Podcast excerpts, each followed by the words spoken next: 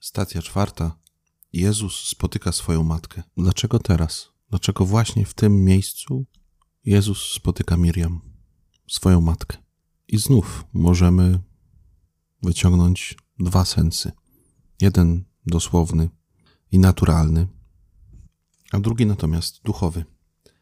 Pierwszy, dosłowny, jest taki. Maryja zobaczyła upadek swojego syna. Wyrwała się z tłumu i do niego podbiegła. Myślę, że to naturalna reakcja każdej matki, kiedy widzi swoje dziecko w tak skrajnym cierpieniu i do tego jeszcze upadające. Więc po prostu podbiega do swojego syna i próbuje mu pomóc, bo skoro była pod krzyżem, to nie ma też wątpliwości, że szła za Jezusem przez całą drogę krzyżową. Ale dobrze wie, że fizycznie nie jest w stanie mu pomóc, bo nie weźmie jego krzyża, bo nie odgoni żołnierzy, którzy go maltretują, bo nie skłoni rozwrzeszczonego tłumu, by zostawił jej syna w spokoju. Ale myślę, że nie o to tu chodzi. Chodziło po prostu o to, by zwyczajnie dodać mu otuchy.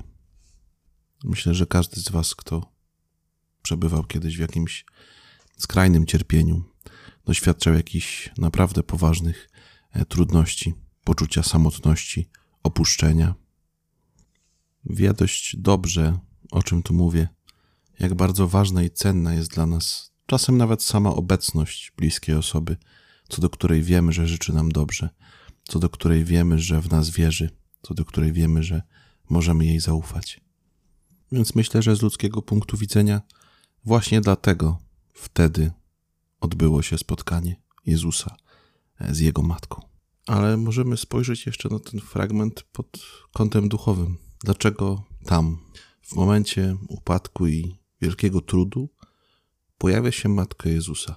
Po pierwsze, dlatego, że Jezus chciał nam pokazać, kim jest Miriam, kim jest jego matka i jak wielką pomoc, jak wielkie orędownictwo możemy doświadczać z jej strony w każdym naszym upadku, w każdych naszych problemach, kłopotach, trudnościach. I niektórzy mogą się śmiać, mogą e, uważać tą maryjną pobożność, tak silną, zwłaszcza w naszym kraju, za infantylną, za nieracjonalną, za dziecinną, za zaburzoną wiarę.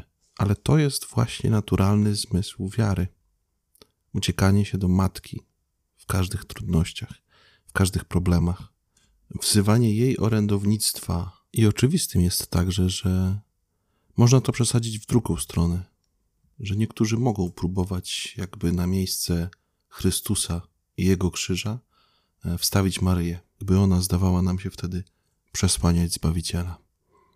Ale Miriam, Matka Boga, jest zawsze wszędzie tam, gdzie być powinna, w cieniu Chrystusowego krzyża, nigdy przed, nigdy nie zasłania, zawsze oświeca, zawsze kieruje, zawsze prowadzi.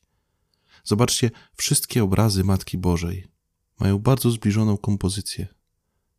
Praktycznie na każdym z nich zawsze Maryja jedną ręką wskazuje na swojego syna. By tak jak w Kanie powiedzieć, zróbcie wszystko, cokolwiek wam powie. I uczy nas, jak iść za cierpiącym Chrystusem, jak brać swój własny krzyż i jak go naśladować. I jest jeszcze inne znaczenie tych słów, znaczenie tej sytuacji, spotkanie Jezusa z jego matką. To jest kolejny element wypełnienia Bożego planu wobec Maryi. To jest kolejna scena, w której Bóg realizuje swój plan, który zapowiedział jej 33 lata wcześniej w Nazarecie.